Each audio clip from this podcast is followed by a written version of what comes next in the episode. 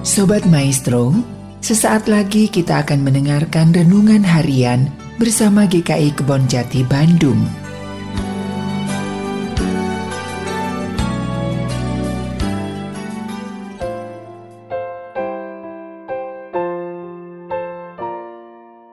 Shalom Bapak Ibu dan saudara-saudari yang terkasih dalam Tuhan Yesus Kristus.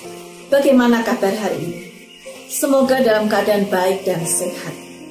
Tema hari ini adalah Jangan ajari Tuhan. Terambil dari Matius pasal yang ke-6 ayat yang ke-10 demikian. Datanglah kerajaan, jadilah kehendakmu di bumi seperti di surga. Bagian ayat ini adalah bagian dari doa Bapa kami ketika kita mendapat pertanyaan dan pernyataan, jangan ajari Tuhan.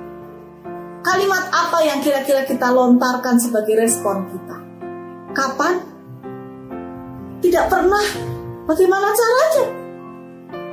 Tapi mari kita coba merefleksikan dalam kehidupan kita.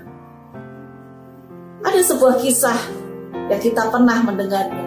Perjamuan kawin di Kana dalam Yohanes 2 ayat 1 sampai dengan 11. Saat itu ada sebuah masalah besar yang terjadi. Dalam pesta perkawinan di Kana, mereka kehabisan anggur. Masalah itu masalah yang besar, masalah yang dapat menyebabkan rasa malu bagi orang yang menyelenggarakan pernikahan tersebut. Ketika Maria hadir di sana, Maria tahu hal itu dan mengatakan pada Tuhan Yesus, tapi Tuhan Yesus kemudian merespon dengan mengatakan, Mau apakah engkau daripadaku ibu saatku belum tiba? Maria tidak menjadi marah. Tidak kemudian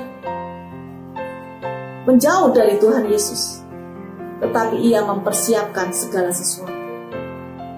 Maria mengatakan kepada pegawai-pegawai, apa pun yang Tuhan Yesus katakan, lakukanlah. Dan beberapa waktu kemudian, Tuhan Yesus meminta para pegawai itu untuk mengisi air di tempayan, tempat untuk mencuci kaki. Saat itu mungkin tempat itu sudah kosong. Tapi Tuhan Yesus meminta untuk mengisinya penuh. Dan apa yang terjadi? Pegawai itu tidak tahu apa yang akan selanjutnya terjadi. Tapi ia tahu hanya satu hal, taat. Dan ketika Tuhan Yesus mengatakan cedoklah air itu dan berikan kepada pemimpin pesta, pegawai itu melakukannya. Dan kemudian air itu menjadi anggur, anggur kualitas nomor satu. Perbuatan Tuhan Yesus adalah perbuatan out of the box, di luar dugaan, di luar kebiasaan, sangat aneh. Kita boleh membayangkan seandainya ember cuci kaki menjadi sebuah tempat anggur nomor satu. Suatu hal yang di luar dugaan, bukan?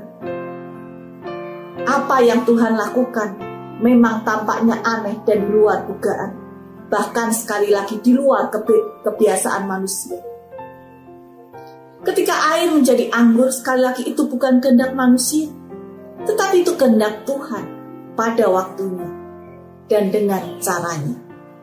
Dan sering kali kita ketika berdoa kita memberikan petunjuk kepada Tuhan tentang bagaimana caranya menjawab doa kita. Kita ingin selalu jawabnya adalah ya dan sekali lagi sesuai dengan cara kita.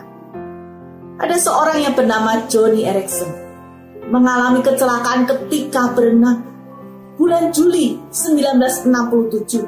Akhirnya ia menderita kerusakan tulang belakang yang membuatnya lumpuh dari leher ke bawah. Tentu saja Joni ingin sembuh. Dengan dukungan dari keluarga, saudara, teman-teman diupayakan semua terbaik bagi Joni. Termasuk juga segala doa-doa dinaikkan.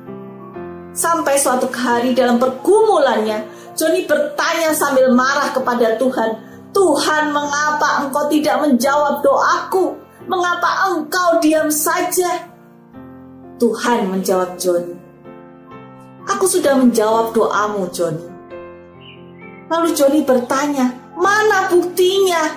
Aku masih lumpuh, aku masih di kursi roda.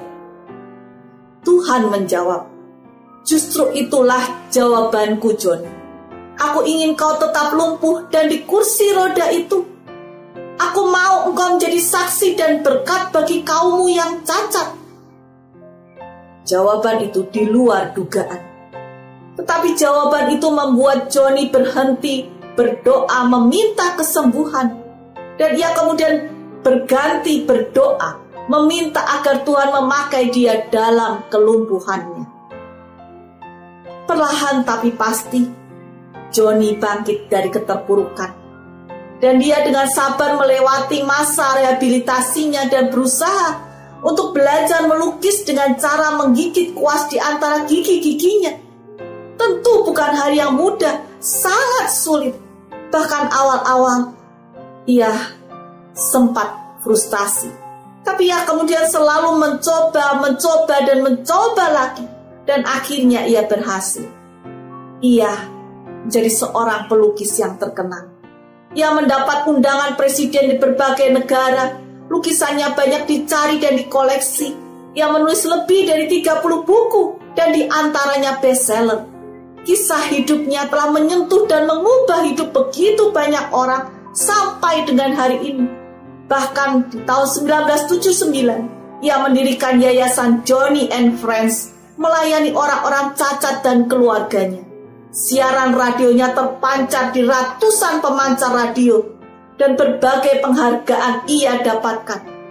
Tahun 1982, ia menikah dengan Ken Tada dan kemudian keduanya melayani sampai dengan hari ini. Sekali lagi, jangan mengajari Tuhan.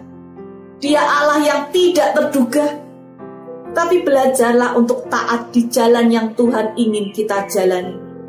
Percayalah, Tuhan memberikan yang terbaik, bahkan yang di luar pemikiran kita. Tuhan memberkati kita. Amin.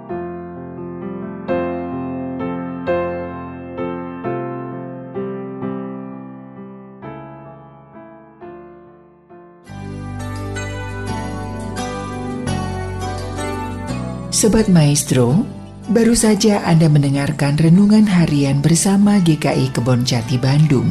Tuhan Yesus memberkati.